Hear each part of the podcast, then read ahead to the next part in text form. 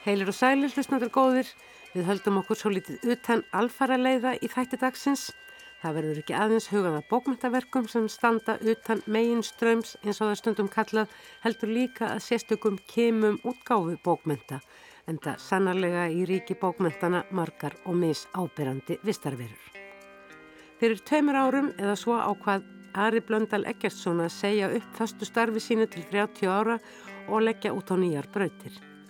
Í handunum var hann með handrit að fyrstu skáldsögu dóttur sinnar og ljóðabókar eiginmannsins og þá lág beinast við að Ari sjálfur bætti við þýðingu og stopnaði bókaútgáðan. Úr var bókaútgáðan Ringaná sem meðal annars hefur gefið út fyrstu skáldsögu nýgerísku skáldkonnar Angan Breitweit. Sistir mín Raðmorðingin. Við heyrum að þeirri sögu og í Ara undir lok þáttar. Þá er þau rætt við ítalskan reytöfund Valerio Gargiulo sem á síðustu tveimur árum hefur sendt frá sér þrjár bækur. Hér er á ferðinni fantastiskur þríleikur þar sem hefur yfirnáttúrulega og raunverulega fortíð og nútíð Ísland og Ítalija renna saman í stuttum skáldsögum. En Valerio hefur verið búsettur á Íslandi í sjö ár. Við byrjum hins vegar á íslenskum ljóðum á Þískun.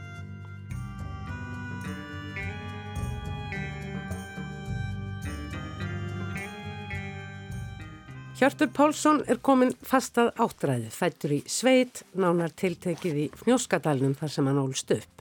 Síðan fór hann í mentaskólan á Akureyri stundaði nám við Háskóla Íslands, þaðan sem hann lög kandmagprófi í íslenskum fræðum.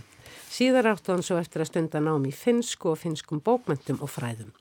Hjörtur hefur lagt ímislegt fyrir sig, verið bladamað við ímisblöð og fréttamaður á útvarpi, hann hefur verið bókavörður og dagstgrástjóri hér á útvarpinu, Einni gengt stöðu lektors í íslensku og verið fórstuðum að Norranna húsins í færiðum í eitt ár. Að endingum á þess geta að hjörtur er guðfræðingur og prestviður. Bókmentir, engum ljóðlist, er þó það sem Hjörtur hefur fyllt eftir hvað staðfastlegast í lífi sínum. Fyrsta ljóðabók hans var vantanlega Dinfaravísur sem kom út árið 1972, fimm árum síðar kom svo Fimmstrengja ljóð og Sovendadans árið 1982, Haust í Heiðmörk 1985 og Þeiandadal 1998. Þá hefur Hjörtu sendt frá sér allmargar bækur um almennt efni, auk þess sem hann hefur þýtt ógrinni bóka úr ímsum tungumálum, þeirra á meðal allmörg verk eftir Ísak Basevik Singer, Doris Lessing og Per Úlof Engqvist. Að ógleimdum ljóðaþýðingum hjartar, engum úr norranum tungumálum. Þauksi hirti hafa íslenski lesendur geta kynst ljóðum Jans Kaplinski og Henriks Norbrand, Nobelsveluna hafans Tómasar Tranströmmers og Ímissa fleiri. Á síðasta ári kom út sapnljóða hjartar í þýðingu hins virta norrannufræðings og þýðanda Gerts Kreutzers sem valdi ljóðin úr ljóðasapni hjartar sem Dimma gaf út árið 2016 og inni held allar fyrir í bækur hans auk ljóðabókarinnar Ísleisur. Hjörtur er hingað komin og tækifæri til að segja til hamingu með Jareszeiten Gesenge eða Árstíðarsöngva eins og bókin heitir á þýsku og ber undir titilin Ljóð 5 áratuga. Þýðingar á íslenskum bókmyndum yfir á Þísku eru nokkuð algengar, jafnvel vinsælar og íslenskir höfundar njóta virðingar í Þískalandi. En það er nú samt ekki á hverjum degi hjörtur að það kemur út íslenskt ljóðasafni erlendri þýðingu, jafnvel ekki á Þísku. Hvernig kom þessi útgáfa til? Ég hitti Gert Kreutzer í fyrsta skipti 2001 eh, og eh, það var í desember og þá var haldið hér, hér þýðanda málþing eða ráðstefna, myndarlega ráðstefna eða málþing sem eh, Gauti Kristmansson stóð nú að verulegu leiti fyrir vegna þess að þá var fyrir nokkru búið að taka upp kjenslu í þýðingafræðum við háskólan. Og þá komi hingað ymsir eh, útlendir fræðimenn meðal annars og Gert Kreutzer var einn þeirra og eh, Við hittumst þar fyrst á þessari ráðstefnu og kynntumst svo lítið svo liðu árin og fyrstu vikuna í, eh, í desember 2014 þá uh, satt ég á, uh, á þísk íslenskri vinnustofu, þýðingavinnustofu í þýðingamiðstöðin í Stralen. og sem kallu var vice versa. Þar voru þeir sem er að þýða úr íslensku á þísku og úr þísku á íslensku og ég hef nú ekki þýtt mikið úr þísku en ég átti litla bók eftir ekki Tómasar mann, Katja mann sem heitir á þýsku mæni Unge Schriebenen Memoirin og ég kalla hann á óskráðar minningar mínar. Og þessa uh, litlu bók hafði ég þýtt og lesið hérna í útvarpið með minni 1988 fyrst. Og uh, ég notaði mér það til þess að, að hérna leggja fram einar fimm síður úr henni á þessu málþingi og þar hitti ég Gerð Kreutzer því þá var hann að þýða æfisögur nonna sem var komin út fyrir skömmu. Svo við hittumst þar aftur en höfðum ekki haft neynskipti þess á milli en við áttum það náttúrulega sameinlegt að hafa báðir lesið sem sagt norrænu eins og við kallum það nú oft mm. hérna í kannada. Og úr þessu spratt síðan og úr þessu spratt hugmynd. það að rétti bara um jólinn þarna eftir, eftir hérna tíðindavinnustofuna þá sendir hann mér einmitt þessi fjögur ljóð sem ég hafi byrt í fyrstu bókinu minni og kallaði Ástíðasöngu á íslensku. Við hefðum lesið upp eitt kvöldi, þetta var vikun ámskeið og ymsir uh, voru að leggja fram eitthvað sem að þeir höfðu orta á, á frummáli eða skrifað eða, eða þýtt og þannig kom þetta til að hann sendi mér þetta eins og jólagjöf og svo aftur vorið eftir þá hafði hann nýlega verið á ferði í Albufeira í Portugal þar sem að hérna ég hafði einsinni verið og eitt ljóðið í hérna sovundadansi er eh, sprottið þaðan af þeirri ferð og hann sendi mér það svo í ammali skjöfum vorið. Nú þetta var svo bara til þess að í fimm ár þá skiptumstu við á tölvupóstum og, og skrifum og hann helt áfram að þýða og uh, þegar upp var staðið þá var hann búin að þýða í raun og veru megin þorran úr ljóðasöfninu. Það er ekki allt með en eitthvað sem að, sem að uh, við taldum ekki ástæðu eða ég miskusti og, og hvoru voru okkar í sjálfsett til að hafa með. Það var svona meira bundið eh, einhverju persónulegu á Íslandi. Ég hafði orðn okkur ljóð eftir vini mína og, og, og svo framvegis, nánast erfiljóð og uh, jóla, jóla hérna sveig sem ég kallaði sveig á aðvendu, það var svona vöðru tægi mm. og uh, sérstakt og, og ganski bundið meira við músík og svo þannig að, en þetta er þorrið ljóðana í þessu mm. bók. Og þetta, þegar þessu var svo lokið, þá fór hann, ég var náttúrulega, það hafði ekkert verið þýtt eftir mig á Þísku og ég átti náttúrulega honum að þakka að þetta kom út því að ég var ekkert kunnugur Þískum bókamarkaði á nokkur nátt mm. og hann fór svo að leita fyrir sér um útgefendur og hann hafði nú þýtt ímislegt áður meðal annars í tengslum við það þegar að Ísland var gisti þjóð á, á bókamessunni forðum 2011 eh, en e, líka eh, fyrr og síðar meðal annars eina bókina í, í hérna Klein-Heinrich-seríunni sem að margir kannast við og Bernd Koberling myndskreittið. Mm. Nú þegar hann fór að leita að þeim útgefendum sem að áður hafðu, hann hafði áður hérna átt þýðingar hjá þá voru nú hortnar ímsar breytingar, einn var orðin prentsmiði og hætti að gefa út og svo framins en hann fann þetta forlag sem er ekki í Þískalandi heldur í Östuríki og heitir PC United. Og uh, ég get nú lítið sagt er frá því annað en það að það er með uh, einhvers konar útibú í bandaríkjónum held ég. Og uh, hann sá um þetta allt saman með mínu samþykki og, mm. og hérna þarna líkur bókinn. Og hann er hægt að kaupa bara í almennum bókabúðum í hennum þýskumælandi heimi? Já, í hennum þýskumælandi heimi mm. og uh, það er hægt að kaupa hana þar og kaupa hana á Amazon mm. og uh, það er ekki mikið, miklu meir um það að segja, satt að segja. Nú er ekki alltaf hægt að koma sér hverju hugsun í ljóði yfir á annað tungumál eins og þú náttúrulega líka veist sem ljóðaþýðandi. Já, maður. Komu einhver ljóðaðina í þýðingunni þér á óvart? Nei, ég get ekki sagt það en það er náttúrulega alltaf þannig býst ég við þegar að menn er að þýða að þeir eh, geta strandað á ymsu uh, miskilið eitthvað en við vorum í svo góðri samvinnu um þetta að uh, ég held að sé nú tilturlega lítið um vonandi um, um einhverjar beinar merkingarvillur þannig mm. en uh, ég náttúrulega hef alltaf bæði orð í samkvæmt íslenskum bræðreglum og líka í frjálsu formi mm. og það er nú, nú á dögum er það nú mjög algengt að menn þýði ekki ekki formið, ekki, ekki formið mm. og það er, það er ekki gert hjá Kreutzer heldur. Nei, og hann reynir ekki, ekki aðlega heldur svona með einhvers konar stöðlasetningu til dæmis eða Nei, ekki, öðru ekki beint, nei, ekki beint en það er náttúrulega, það er rannsóknaröfni út af fyrir sig en það er ekki markvist gert eða, eða einkennandi beinlínis. En þú ert ánaður með þýðinguna? Ég er ánaður með hana því að við erum búin að skiptast svo ofta á, á hérna handritum í ráðrænu formi mm. og, eh, og talvupóstum og svo framvís að, að eh, ég þykist vita, vita að, að eh, ég þurfu ekki að óttast mikið að hún verði okkur beinlýnist til skammar.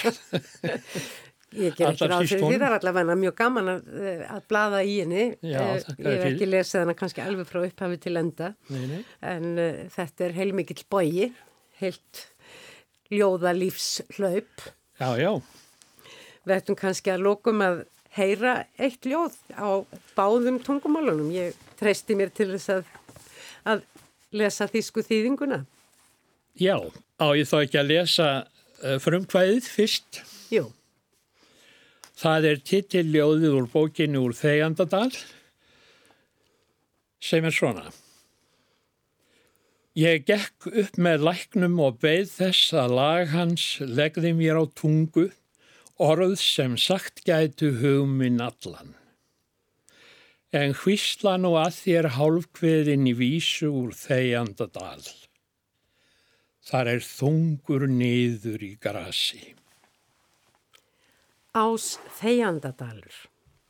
Ich ging den Bach hinauf und wartete drauf, dass mir seine Melodie Worte auf die Zunge legte, die mein ganzes Denken ausdrücken könnten.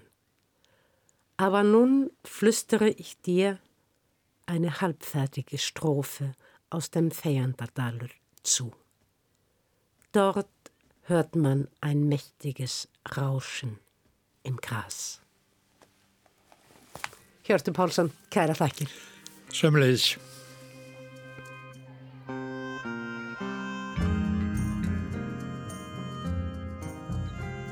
Nýlega sá ég á netinu að ítalsku rittufundur hefði sendt frá sér íslenska bók. Ótrúlegt ferðalag Lunda frá Napoli. Ég hafði samband og fekk í hendur einar þrjár bækur eftir ítalska rittufundin Valerio Gargiulo. Gargiulo hefur verið búsettur á Íslandi í sjö ár.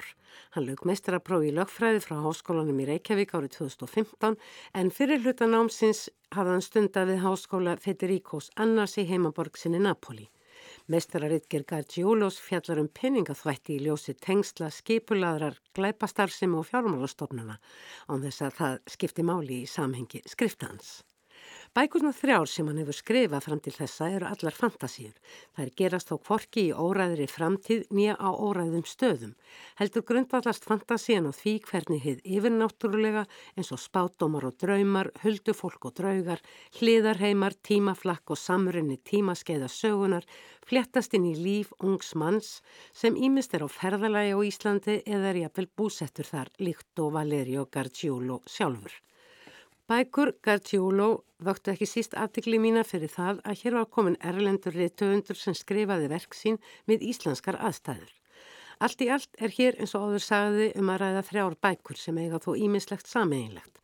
En bækurnar ótrúlegt ferðalag lunda frá Napoli, The Diabolical Miracle of Vesturbær, djöfulegu kraftaverkin eða undrin í Vesturbænum og Back to Thule, aftur til Thule, fjalla allar um einhvers konar sjálfsleit aðal personunar sem í þeim öllum er Valentino Voto, annað sjálf höfundarins Valerio Gargiolo eftir því sem næstverðist komist. Það skal viðurkjent að ég hef aðeins blada svo litið í bókunum tveimur sem hafa komið út á ennsku en sannanlega lesið ótrúlegt ferðalag Lunda frá Napoli. Í upphafið þeirra sögu fær lesandin svo litla insýn í fjölskyldu Valentínos Voto og bensku hans í Napoli. Hann heitlast greinilega snemma að grískri heimsbyggju og fornum sögum hvaðan eða að, einnig frá Íslandi, sem og margvíslegum hefðum sem enn eru lifandi en eiga rætur að rekja ár hundru eða jafnvel ár þúsund aftur í tíman. Hinn eiginlega saga sem knýr framvinduna er þó um Valentino þegar hann er orðin fullorðin.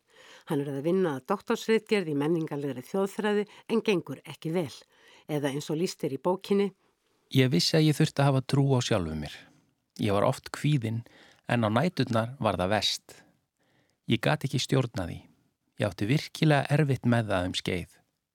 Mér leittist og var óanaður og ég fór að leita að einhverjum tilgangi í lífinu mínu. Ég áttaði mig á því að aðeins ég gatt breytt því til hins betra. Ég vissi að ef þú finnur verulega fyrir eftirsjá eða deburð, þá er það gott merki um að þú sért ekki að lifa lífinu eins og þú vilt lifa því. Ég þurfti að flytja í burt frá heimabænum mínum fyrir námið mitt og stefna áfram. Auðvitað var það ekki eina ástæðan. Ég vildi líka verða frjáls. Í raun er það samt einmitt á nóttunni sem Valentino Vota er hvað mest lifandi. Það er þegar hann sefur. En draumar hans eru afar líflegir og söma dreymir hann endur tekið eins og draumin um fugglin Fratercula arctica sem er latneska heitið á lunda en hann heitir á ítölsku Pulcinella di Mare. En Pulcinella er jafnframt ein af personunum í ítalska fordleikúsinni Comedia dell'arte. Þar ber hún dökka grímu með langt nef sem líkist kokki en gríma af þessu tægi mun eiga uppruna aftur til loka miðalda. En var jafnvel nótuð ennþá fyrr í helgiatögnum til að fæla burt illa anda. Sankvæmt bók Valerius mun gríma af þessu tægi koma fyrir í grettisögu. Drömfarir Valeriós einskorðast þó ekki við lunda, þar byrtist honum einni græni eða stúlkan Guðrún í gömlum galabugsum og peysu með sérkennilegu munstri. Þegar þar er komið í drömförum Valentínós er hann búin að ákveða að fara til Íslands. Þar á hann gamlan vin Felix sem ætlar að vera honum innan handar.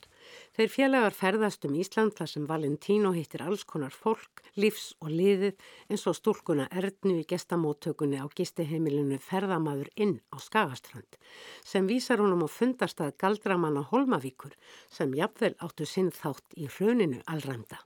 Og svo er það Þordís, landnámsmaður eða kona sem á að hafa fóstrað Þorvald viðförla auk þess sem hún á að hafa fyrir andlátseitt fólkið í spákonufelli kistil með miklum auðæfum sem enn hafa engar fregnir borist um að hafi fundist. Sagan skal ekki rakin hér frekar en eins og ljóst má vera fléttast hér saman margvíslegar vítir. Í bókinni Back to Thule eru þrýr sögulegir atbyrðir á ólíkum tímum tengtir. Reis Rómveska líðveldisins tæpum 200 árum fyrir Kristburð, Örlikstaðabardagi 1238 og ferð Valentínos á samt félaga sínum Marko til Reykjavíkur í februar árið 2018.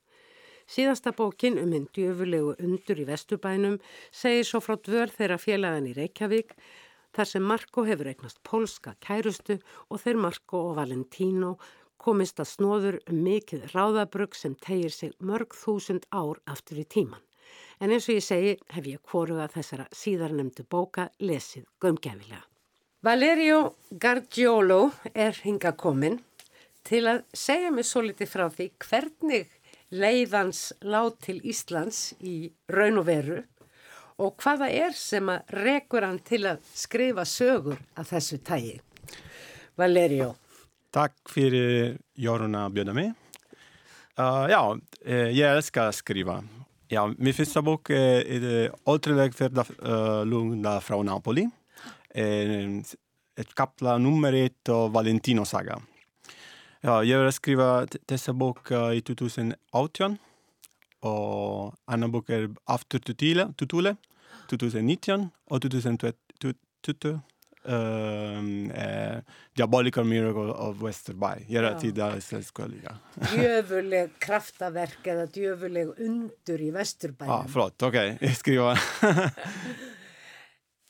Þetta er eins konar trílógia, þetta Já, er sama trílógia. personan í öllum bókonum sem er svo litið þú sjálfur en samt ekki. Já, þessi er saga og ég var að hugsa um, frá reynslu og líka um, ég, ég kem fyrst á Íslandi 2001 með fjölskylda mína.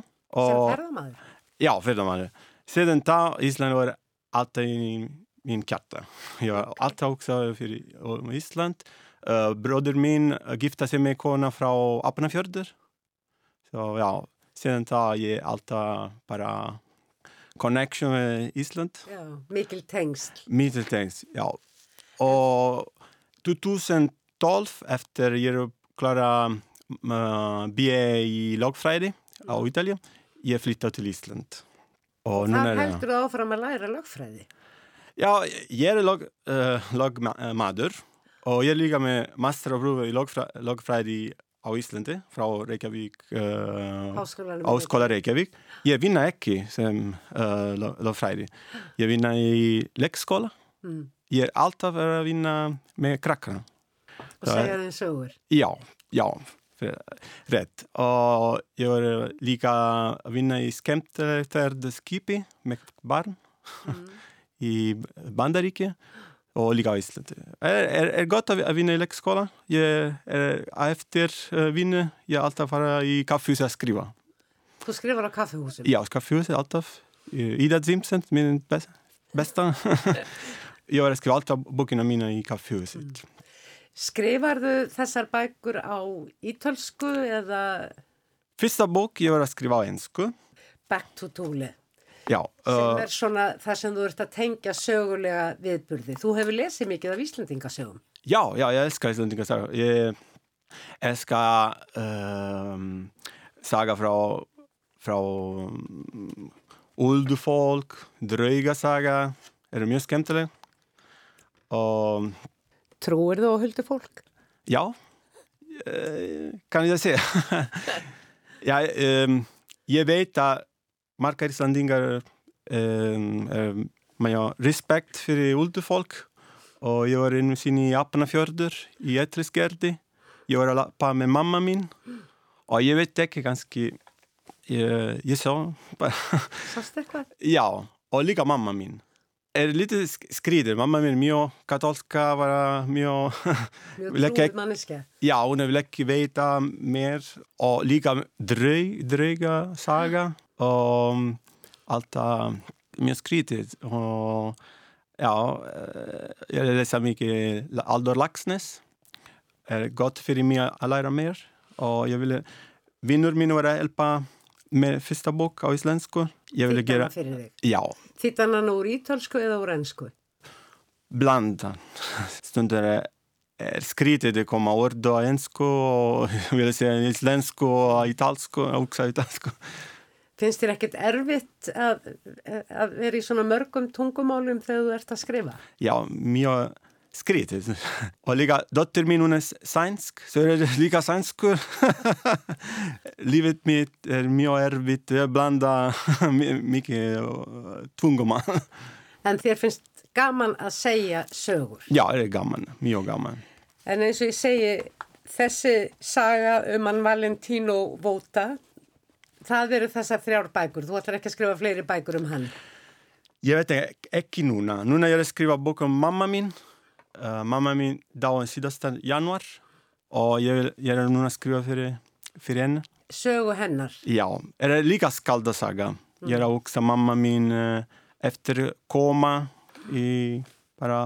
Og er þar líka margir heimar, jafnvel. Mammaðinn kannski að koma aftur þó hún sér Já, rétt. Og, og líka ég, ég prúfa að að skrifa hvað mamma mín segja alltaf á, á italsku. Mamma mín er líka það napolitanskur. Já, Já, alltaf Ítalíu er bara dialetto. margar málískur. Margar máliskur og mamma mín er að tala bara flottulega napolitanskur. Hvernig gengur að skriftir eru náttúrulega starf sem að þú vinnur einn og færð áhrif og hugmyndir úr umhverfinu en samt þar maður nú líka öruglega stundum að tala við einhvern um skriftirnar. Finnst þér þú ekkert vera daldið eitt svona á báti?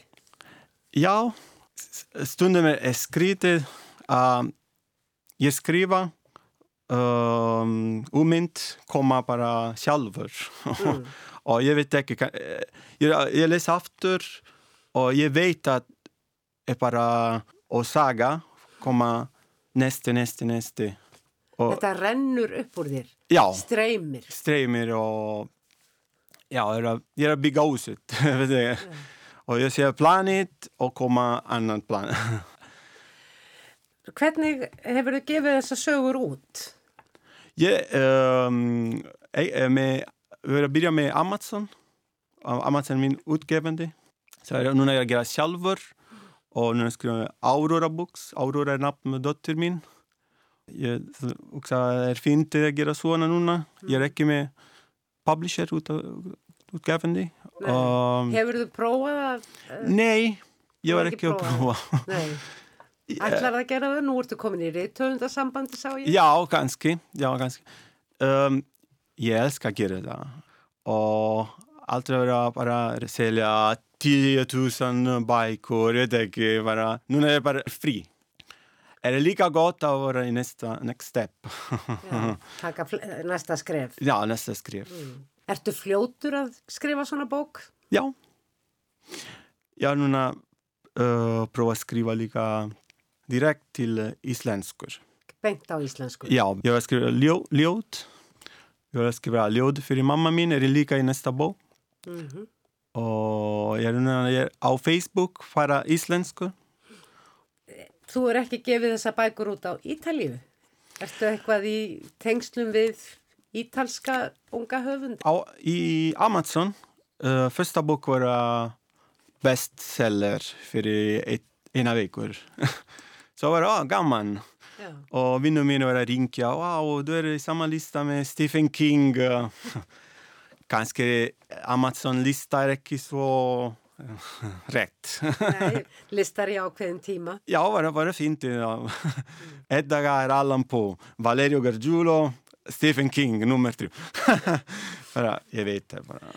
En varstu ekkert farin að skrifa eh, eða eiga þið drauma um reytöfund þegar þú varst á Ítalíu? Er þetta eitthvað sem verður til á Íslandi? Jag har alltid varit skriva, uh, ekki bók. Á Íslandi, já, kannski er uh, mer fri också. Och líka jag är inte stressad här. är bara gott att fara i kaffehus och skriva för mig. Jag bara talar med mar marka folk. Jag har en bok, böckerna, böckerna mina. Rätt uh, um, att göra detta för mig. Þessa bækur eru til sölu í yðu símsen gerir Já. þetta fyrir. Ja, Ida Simpson och bok, uh, Mal och mening. Og nú ertu að skrifa skáldsögu um móður þína. Ja. Og, eh, og það er bók í þessum anda sem að fer á milli tímavitta og fer á milli heima. Hvaðan kemur þessi áhugiðin? I, I böckerna mina ger alltid blanda fantasi med mina liv. liv. Valentino Voto. Vo, uh, Valentino är namn, pränta min, hur jag säger till min Valentino, jag är Valerio. Alltid uh, säga, jag är Valentino, jag räcker Valentino, jag är Valerio. Och Va- Voto är namn på bästa vinkorna min från Italien. Och uh, dryga i böckerna är lika dryga jag sa á Ísland, Íslandi. En það er greinilegt af þessum bókum að þú hefur lesið mjög mikið og tölum um Íslandingasögurnar, Já. líka verðt vellesin í grískri goðafræði og yfir höfuð í sögu Ítalju og allt aftur til Uh, Rómaveldis. Ja, stund jag var i Sunderlöjna á Íslandi är spyrja uh, gamla folk, kan du säga ingen med uldufolk och dryga och, och folk har börjat tala, tala och skriva, okej, okej. Och efter det, Tordis, spåkona från, är ju för att kika på nätet och läsa bok och veta me- mer och mer och mer. Og nú ertu sem sagt eins og ég segið að skrifa bókum móður þína og ég held að ég verða að ráleika þér að endilega að reyna að koma að stað hjá forlægi og, og fá svolítið samvinnu við bækurnar því að þú ert Já, mjög skemmtilegar hugmyndir og þetta er mikil frjósend í þessum texta. Takk, takk.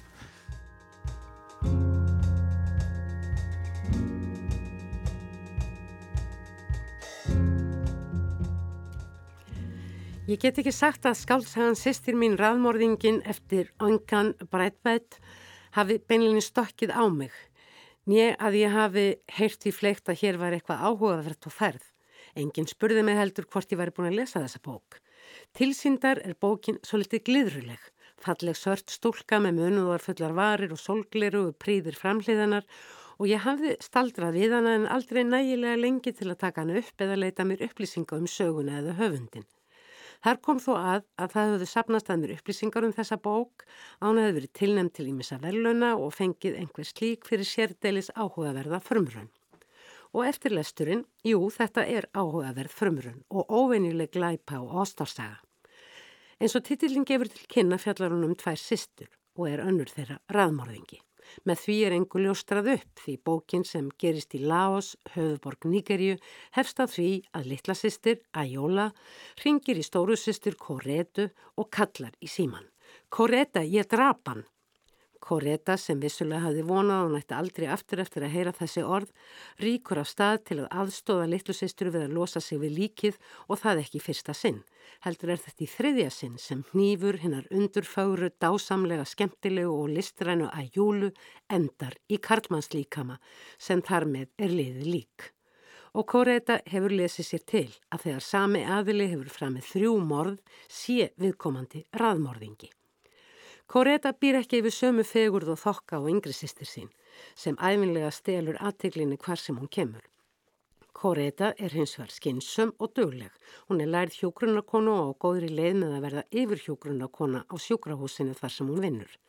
Þar vinnur líka læknirinn Tate sem Koreta er ástfangin af. Svo byrtist Æjúla á sjúkrahúsinu og Tate læknir eins og allir aðrir kolfellur fyrir henni. Nú er úr vöndaði ráða fyrir Koretu sem veit að ástarsamband millir þeirra getur varðla endanum á einn veg. Koreta hefur frá blöytubarsbeini vendað sýstur sínu og stutt í öllu tilliti en að Júla launar það ekki öðruvísi en að ætlas til stöðut meira. Hún lítur raunar svo á að allt og allir lífið í heild dansi í kringum hanna og hennar þarfir. Ekki svo að skilja það að Júla hafi ekki fengið sinn skerf af erfiðleikum en fadir þeirra sistra sem þegar þarna er komið sögu er látin var sannur harðstjóra á sínu heimili. Það er Koreta sem segir söguna eins og gefur að skilja þá er ekki auðvelt að vera vitorðsmanniska og hjálparhella raðmorðingja, sérstaklega þegar sá henn sami er elskuleg litlasistir. Til að létta sér þessa byrði hefur Koreta lagt í vana sinn að fara inn á ákveðna sjúkrastofu þar sem likur maður í dái. Hann hefur gert það um nokkra hríð og ættingjarnir eru mikið til hættir að heimsækja hann.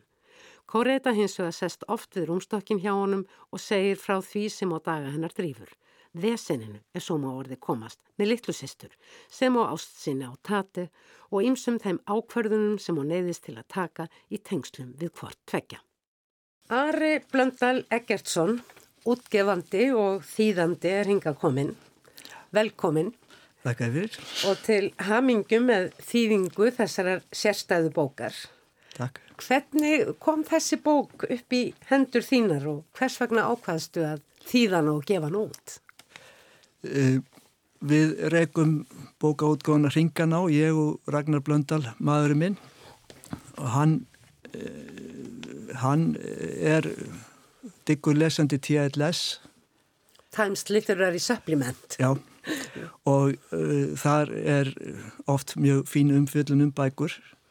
Hann sá þessa bók þar og, og bara pantaði hann á stundinni. Ég byrjaði að lesa hana og ég var bara rétt byrjaði á henni þegar ég bara sagði ég ætla að þýða þessa bók. Mm. og náði bara í þýðingaréttin og, og ég var ekki ég var ekki lengi að þýða þessa bók því hún bara já, hún var bara mjög skemmtileg og hún er hún er, er, er ekkit flókin en bara hún er snörp stuttir kablar, já. hún er ekki giska löng, hún er Nei. hvað, innan við 200 blaðsíður og uh, til þess að gera einfalt málfar en alls já. ekki flatt eða neitt þvíunlíkt sko og sagan er uh, mjög spennandi uppbyggð. Hún byrjar í rauninni eins og ég sagði áðan á því að það er líst yfir hver glæpurinn sé, hver framdan og uh, í rauninni gengur allt út á að Eh, að halda þessu leindu að litla sýstir sem að mættu nú kannski segja að væri bara næstum því eh, því að hún er svo sjálf hverf og, eh, og upptekin af því að heimurinn dansi bara í kringum hana og kannski ekki alveg að ástæðu lausu, hún hefur líka uh, orðið fyrir barðin á ímsu, ekki síst kannski föðu sínum, Já. en hvað um það um, Við ættum kannski á þessu stígi málsins að, að lesa svo litið brot Já. til þess að leifa hérna bókina eins að hljóma. Fyrsti kaplin er nú svo örstuttur. Hvað hún að grípa niður? Eitthvað svona svart, eitthvað dögt eða skemmtileg eða létt. Eh, hvort heldur sem er. Já. Kanski einhverstað það sem að þær sýstur eru saman. Já.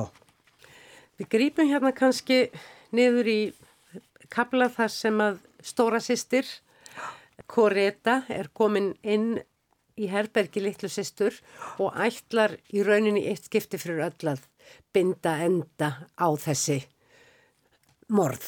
Já. Ég halla mér upp á dýrakarminum og horfi á hana og reyni átta mig á hvernig heili hennar starfar, en það tekst ekki.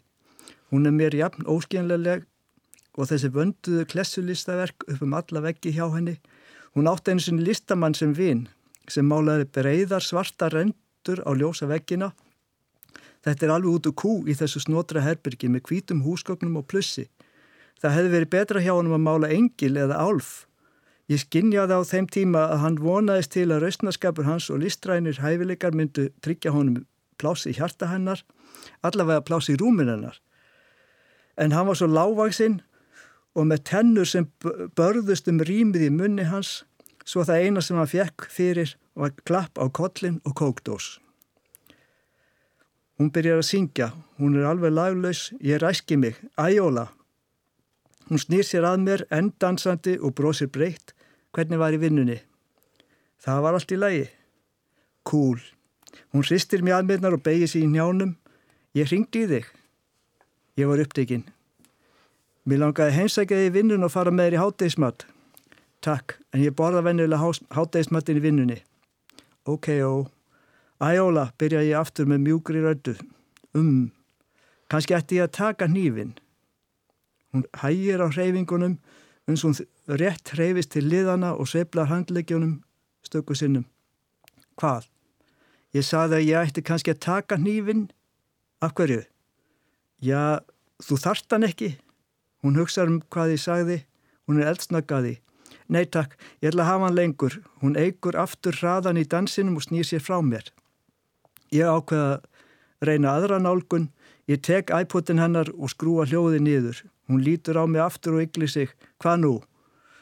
Það er ekki góð hugmynd að þú sérst meðan. Þú veist, ef yfirvöldin kæmu kannski einhver tíma hingað að leita, þú geti bara hend honum í lónið og minga þannig líkurnar á því að þú náist. Hún krostleggur handlegin og pýrir augun. Við störum hvor á aðra í smá stund, svo steinur hún og lætir handlegin að falla. Nýfurinn skiptir mér máli, kóreitið. Hann er allt sem ég á eftir af honum.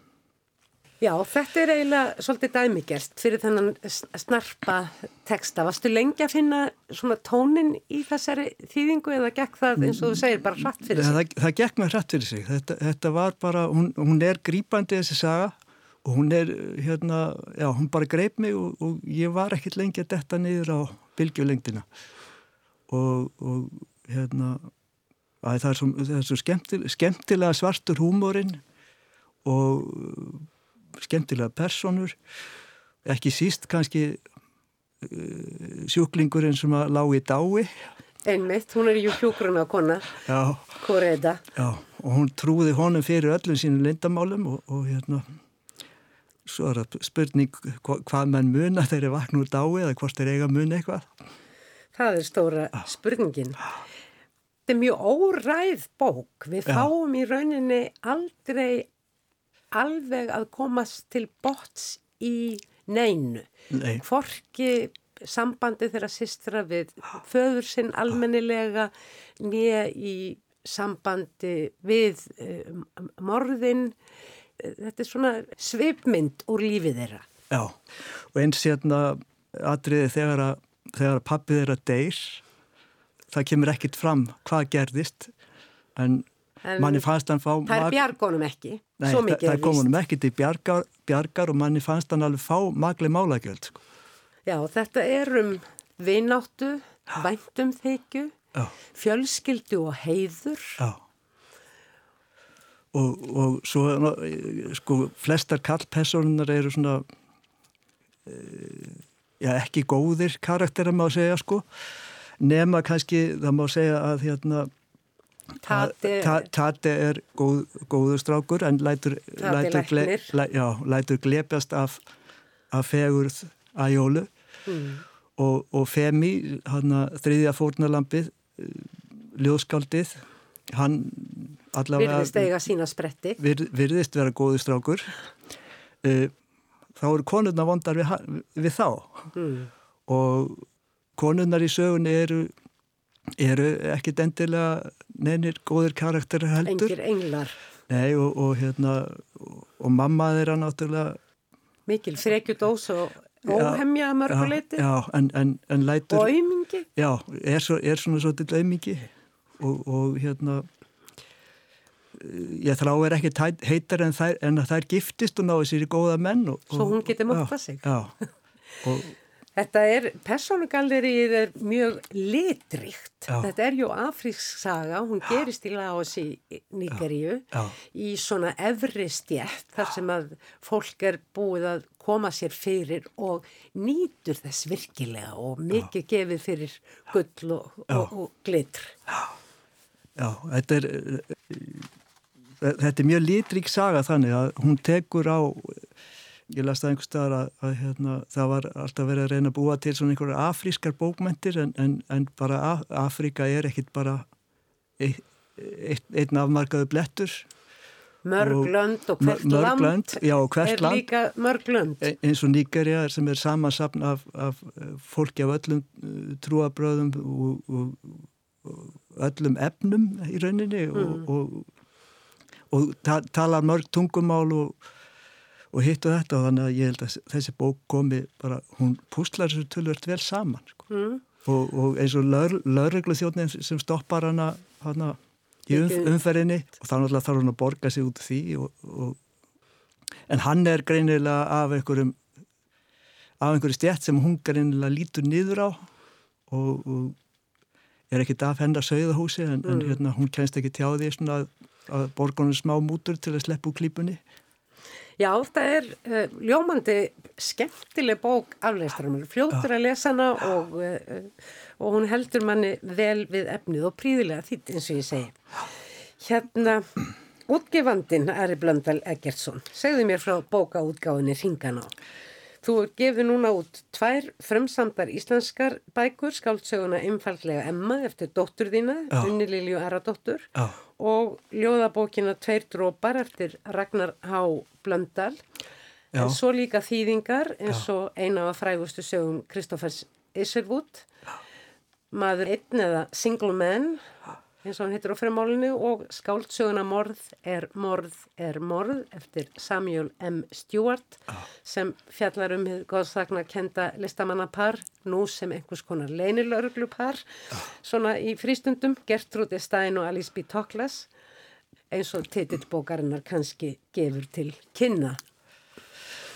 útgáfan kom þannig til að, að, hérna, að Ragnar var með tilbúið handrita ljóðabók. Og dóttir mín var með til- tilbúið handrita skaldsögu og, og hérna ég, þetta kom svona kannski svolítið í gríni. Ég, ég sagði ég skal bara þýða bók og svo bara gefum við þetta út. Og, og þetta byrjaði svo leið sko en Ragnar er reyndar búin að við erum búin að gefa út aðra ljóðabók eftir hann. Hún heitir Hemdu mér. Og síðan bara duttu við niður á fleiri bækur til að þýða. Það, það er þó nokkuð sín í last, þarna morð er morð er morð, eða murder is murder is murder, eins og hún heitir ennsku. Og svo bara datt, eh, datt okkur í hug að, það verið kannski sníðist að þýða hana það, svona, það er svona svolítið gei bókmentir í, í framhaldi af maður einn eftir Kristóður Isivút sem mm. var náttúrulega er svona gei höfundur, höfundur og, og hérna kannski eitt svo frægasti. Já, og fjallar um hérna, skrifaði um, jú uh, bókina skáltsöguna Sally Bowles á 1937 já, sem er jú uh, söngleikurinn Sývin Sally Kabarettir byggður á. Já, hann er þekktastu fyrir hann sko. mm. en svo er hann hérna já, og maður eitt fjallar um samkynniðan mann uh, þessi sagði það var svolítið stert til mín ég, ég er á sama aldri og Kristoffer Isivút þegar hann skrifar þessa bók og, og, og George uh, sögupersonan er á sama aldri og, og hérna hugsunarhátturinn kannski hjá svona uh, eldri homum er kannski ef maður fann, fann hann einhverja, einhverja samsvörun sam mm -hmm. og hérna þó tíðarandin sé náttúrulega allt annar mm. og hérna en, en í framhald af því þá bara þá kom þessi hugmynd með morður, morður, morð Þa, það er svona, það er náttúrulega gei bókmyndir líka, fjallarum fjallarum, fjallarum lesbíur og, og, og þar koma homar við sögu líka hann hérna höfundurinn sjálfur Samuel M. Stewart er ja, var, var hommi sem að lifði mjög skröldlegu lífi svo ekki sé hérna, minna sagt sko. Og hann var góður vinur þeirra og, og heimsótti þær í, á sveitastettur í Fraklandi og, hann átti það, þar í uh, já kannski ekki í sveitinni þó komið frá þó hann í sambandi í, í ástasambandum í að kynferðisambandum í bókinni. En, en þá var hann sjálfsagt átt, í, átt mjög fjögur stundir í París þar, mm. á leiðinu þangað og það og, og hérna En sí, síðan eru bara, síðan eru, sko við erum með tvær, það eru tvær eh, þýðingar í viðbót sem eru konnar svona á, prentstík og svo er ég að vinna í tveimur í viðbót, sko. Mm. Og er þetta greiðarlega skemmtilegt? Þetta er mjög skemmtilegt. Er, er, þetta er hérna, maður verður kannski ekkert ríkur á þessu, en þetta er, þetta er mjög skemmtilegt. Mm. En þú, eh, þú kúvendir eiginlega lífið þínu. Þú varst á allt öðrum stað. Já, ég hérna var vestlunarstjóri hjá ATFR og það var bara komið á leiðarenda í rauninni og uh, þetta var bara hugmynd sem kviknaði. Ég er, hef alltaf verið mjög þokkalega rítfær á íslensku og, og ég held að það sé, sé það sem skiptir mestu máli í þýðingunum að, að hérna getur komið sér yfirlega þokkalega íslensku en, en svo hef ég náttúrulega alltaf lesið mikið líka mm. og alls konar bækur ég hef bara verið aðlæta ég er ekki fastur í einu en einu mm. en það sést á þýðingunum sem ég hef búin að vera með sko. En þeir eru kannski leggið yfir meiri áherslu á það sem þú kallar geibókmyndir heldur en ímsar aðra útgáfur Já eða bara því það, þetta eru skemmtilega bækur það, það bara byrjaði svona, já þetta er það, það eru nefnilega það eru nefnilega oft mjög skemmtilegar. Það er svona aðeins öðruvísi og við erum ekki í svona í svona venjulugum sagamálasögum en sko sýsti mín ræðmorðingin og morði, morði, morði eru svona mjög óvenjulega sagamálasögur mm. Það eru svona svolítið parodía eða svona svolítið uppásnúningur Já svona já, það er, eru ekki svona, já, ekki svona neitt leindardómsfullar löggusögur. Og nákvæm rannsókn og þvíumlikt. Já, og svo eru... Meira svona verða að spá í mannlegt eðli. Já, má segja. Og svo er líka hérna, næstu tvær bækur sem kom út, þær eru, þær eru alveg á allt öðru róli, sko. Og uh, þið gerir allt bara sjálfur? Prófarkalesið og já. setið upp og, og hvaðina? Já, já, við erum með hérna, við erum með uh, konur, já, við erum með hönnun í hérna, hönnuð sem sér um uppsetninguna og, og hérna hún er hérna, hefur staðið sér mjög vel þetta er Lou Pates býr í Breitlandi Já. en hún er, hún er frábær hönnuður og hefur gert þetta mjög vel sko. og þeir sendið þetta bara í tölvumpost á milli Já. á netinu Já Þú segir, maður verður kannski ekki ríkur af þessu en, en þetta svona slampast. Já, það gerir það nú en, en það er ekkit stór hagnað að koma inn en, mm. en hérna maður er allavega ekki fann að sækja sér bætu næsta þar. og skemmtir sér greinilega. Já. Að þú er mikið indi af þessu öllu saman. Ég fekk þýðingastyrk fyrir næstu bók sem heitir Berg eftir Ann Quinn sem að skrifaði fjóra bækur, hún bjó í Brighton skrifaði fjóra bækur og þetta er svona létt, léttur farsi svona uh, surrealískur svolítið. Ok. og, og hérna, þetta er ekki löngbók, hún er hérna, en hún er sko, mér hef, finnst hún alltaf skemmtilega og skemmtilega eftir því sem lesa hana oftar, ég er náttúrulega búin að lesa hana yfir núna mjög oft sko og, en hún er um sem sagt Berg sem að snýr nafninu sinni við og kalla sig Greb og fer til strandbæjar í Breitlandi í þenn tilgangi að drepa föðu sinn sem hafði yf, yfirgefið þau maðgininn þegar hann var lítið strákur.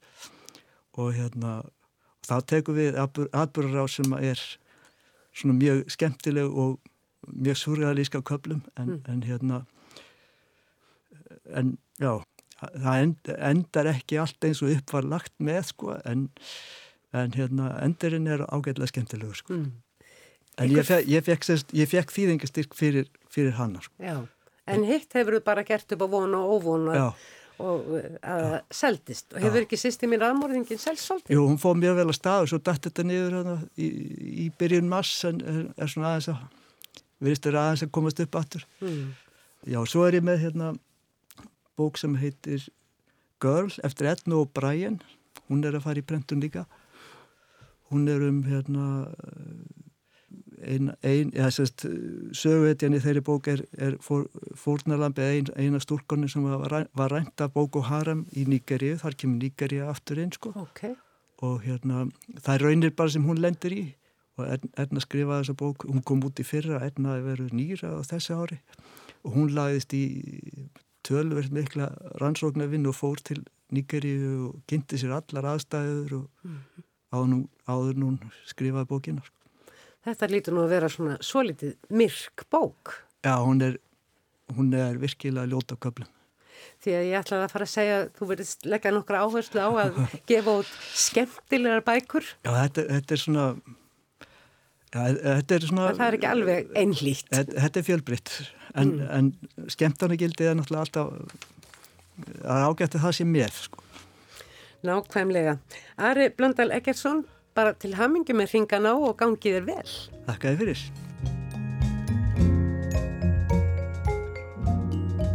Fleiri verða orðum bækur ekki að þessu sinni. Tæknimaður þessa þáttar var Úlfildur Eisteinsdóttir. Takk fyrir að hlusta. Verðið sæl.